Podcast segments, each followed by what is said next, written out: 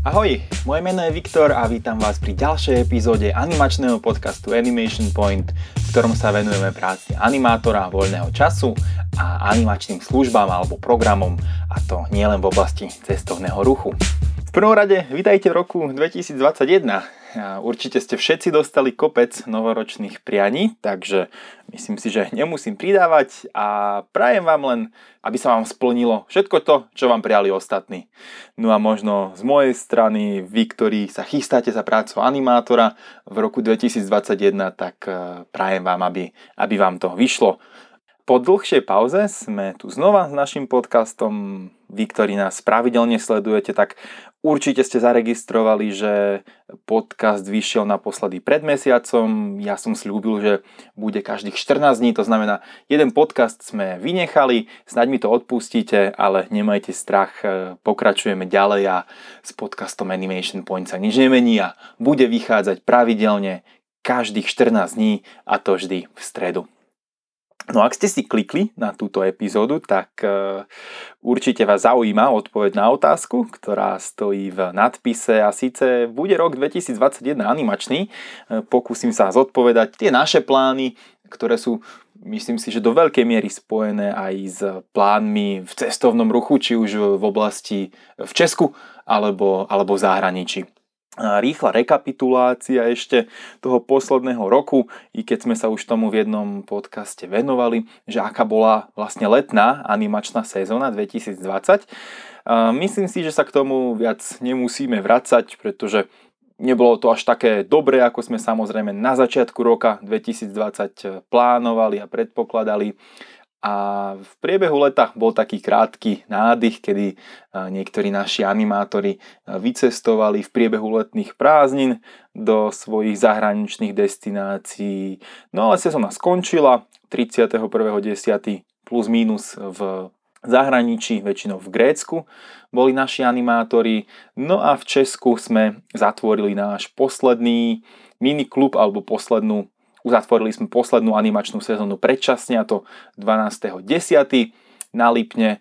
No a ako tušíte, od tohto dňa e, žiadny animátor e, v Česku neanimoval, ani momentálne neanimuje a ešte to vyzerá, že, že chvíľku animovať nebude. Síce sme pripravovali zahájenie zimnej sezóny 2020-2021, hotely sa mali otvárať pred Vianocami, cca nejakých 5 až 7 dní pred Vianocami, no ale e, viete, ako to dopadlo. E, prešlo sa na 4. stupeň e, a momentálne na 5. stupeň psa a nevyzerá to tak, že by sa hotely v priebehu najbližších dní alebo najbližších týždňov otvárali. Uvidíme, ako to dopadne. Ja pevne verím, že aspoň časť tej zimnej sezóny, aspoň tu v českých našich partnerských rezortoch ešte, ešte zachytíme. Mrzí ma to samozrejme eh, hlavne skrz animátorov, ktorých sme mali tento rok vybraných veľmi šikovných do českých zimných hotelov, tak eh,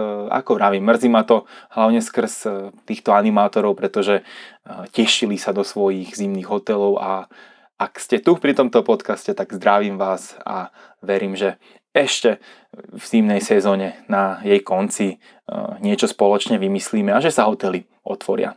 OK, možno ste ich zaregistrovali, že ich v priebehu Vianoc bola troška taká pauza, ktorá sa ale skončila tento týždeň. Pauza myslím to tak, že moc sme nepostovali na Instagram, na Facebook. Jednoducho potreboval som si ja troška tak e, odpočinúť e, od práce a nejako popremýšľať nad tým, ako to bude v ďalšom roku. Ale ako vravím, všetko pokračuje sme tu znova a od nového roku pokračujeme v našej, našej nazvem to prevádzke alebo v provozu česky.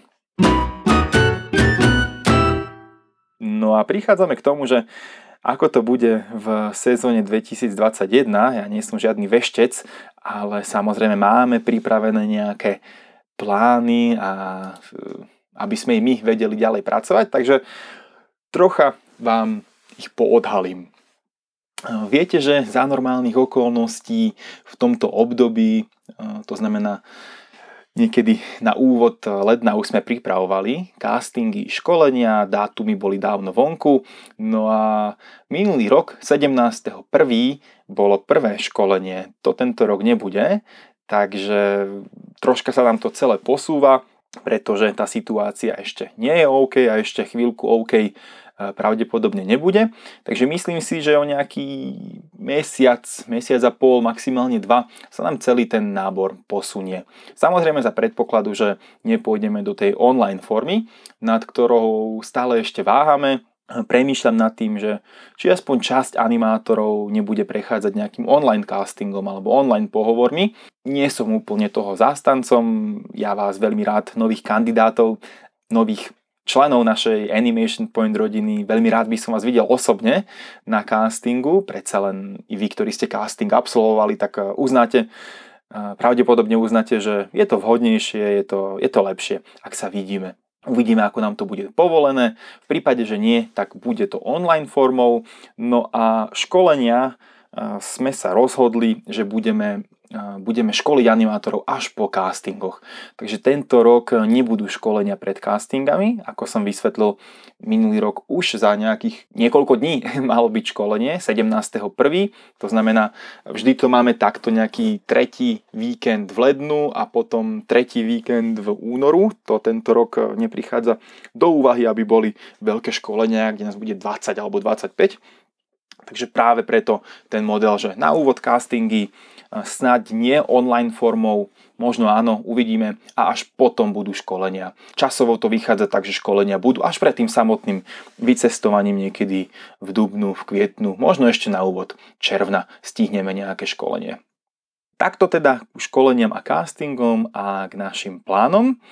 Čo sa týka sezóny 2021, tak e, pozitívom je, že že my ďalej fungujeme a vy sa ďalej hlásite. To znamená, každý deň nám prichádzajú registračné formuláre, áno, troška v menšom počte, ale nie tak moc, ale trocha v menšom počte, ako tomu bolo pred sezónou 2020, ale váš záujem je stále veľký, my vám postupne voláme, píšeme e-maily, sme spoločne v kontakte, takže z vašej strany záujem je a z tej druhej strany, to znamená od našich partnerov, e, je takisto záujem o, pokračovanie, o letnú sezónu 2021. E, sme v kontakte s našimi zahraničnými partnermi, s českými partnermi, s nejakými cestovkami, s akvaparkom, s detskou herničkou, s ktorou spolupracujeme, so školou v prírode, s ktorou spolupracujeme.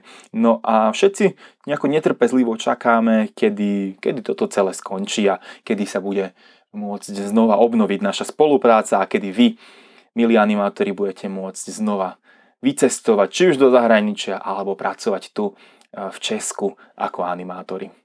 V súvislosti s nami, s Animation Point a s našimi plánmi, eh, radi by sme sa eh, vrátili na, ten, eh, na tú vlnu z roku 2019, respektíve k tomu, čo sme plánovali na rok 2020. A to znamená nejakých 80 až 100 pozícií v zahraničí a v Česku na leto 2021 a toto je taký náš cieľ. Pomaly štartujeme a verím, že sa postupne rozbehneme. Celé to bude síce e, trocha posunuté v porovnaní s ostatnými rokmi, ale verím, že do leta budeme pripravení a budete i pripravení a vybraní, respektíve vyškolení vy a že tá letná sezóna bude prebiehať tak, ako, ako sme na to všetci zvyknutí. Pokračujeme samozrejme aj s našimi podcastami, videami, pokračujú rozhovory s animátormi, ďalej vám voláme, ako som vravel, píšeme e-maily, ale najviac podstatné budú samozrejme pokračovať i naše animačné pivka a animačné párty, na to sa všetci určite najviac tešíme a toto všetko bude, nemajte strach.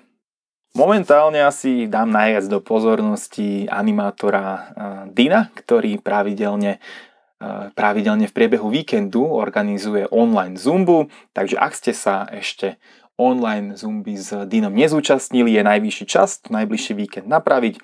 Určite dáme do storíčka alebo do feedu na Instagram link, ako na to. Je to pre animátorov Animation Point zdarma, takže určite Dino bude rád, ak sa pripojíte.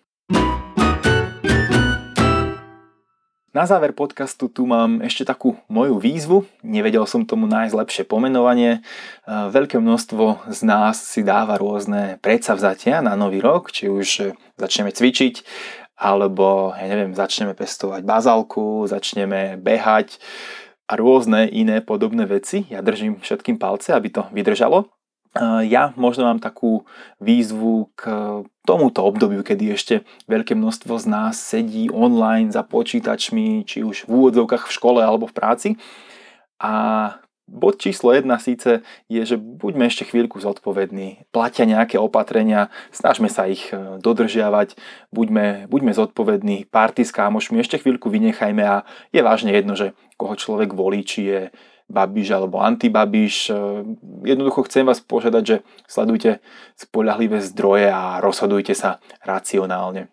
Bod číslo 2, taká možno, možno kontroverzne slovičko, ale síce buďte pozitívni a snažte sa to celé aspoň troška využiť. Pozitívny samozrejme v tom slova zmysle usmievavý, veselý a, a nie v tom druhom pozitívnom slova zmysle. A využite to, že jednoducho máme ešte všetci čas na či už zlepšenie jazyka, budem hovoriť teraz v súvislosti s prácou animátora, to znamená, ak niekto už bol na sezóne, chystá sa na ďalšiu, alebo je nováčik, to znamená, ešte nikdy nepracoval ako animátor, tak možno práve i teraz je čas naučiť sa niečo nové alebo zlepšiť sa v niečom. To znamená, ten jazyk ako číslo jedna. Kľudne si stiahnite Duolingo, naučte sa nový jazyk, aspoň základy, cvičte si doma Nemčinu alebo ruštinu, prejdete si zo strednej školy knihu, ktorú, z ktorej ste sa učili, zopakujte si časovanie, skloňovanie a teda a teda. Začnite sa kľudne doma s niekým e, baviť aspoň 10 minút alebo 15 minút denne anglicky, tých možností je mnoho. Takže to zlepšenie jazyka určite ideálny čas na to. Animátor určite potrebuje nejaké tanečné skills, i tu je tanečné schopnosti, aby nebolo ako drevo kopec online možností, kedy si môžete zatančiť. Rôzni youtuberi a instagrameri majú svoje online classes, takže kľudne i toto je možnosť. Ak má doma niekto Kinect, tak si tančíte s Kinectom. To je k Xboxu, také rozšírenie. Ďalšou oblasťou je fitness.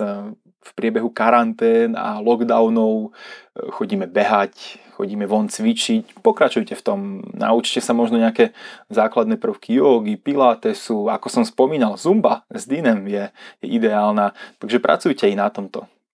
Detskí animátori si môžu pripravovať nejaké hry pre deti, môžu si pripraviť, ako zorganizujú pirátsky deň, môžu si pripraviť predlohy na face painting, kľudne si objednajte barvy na face painting a zmalujte doma súrodencov alebo rodičov, alebo psa, alebo si ho namalujte na balón.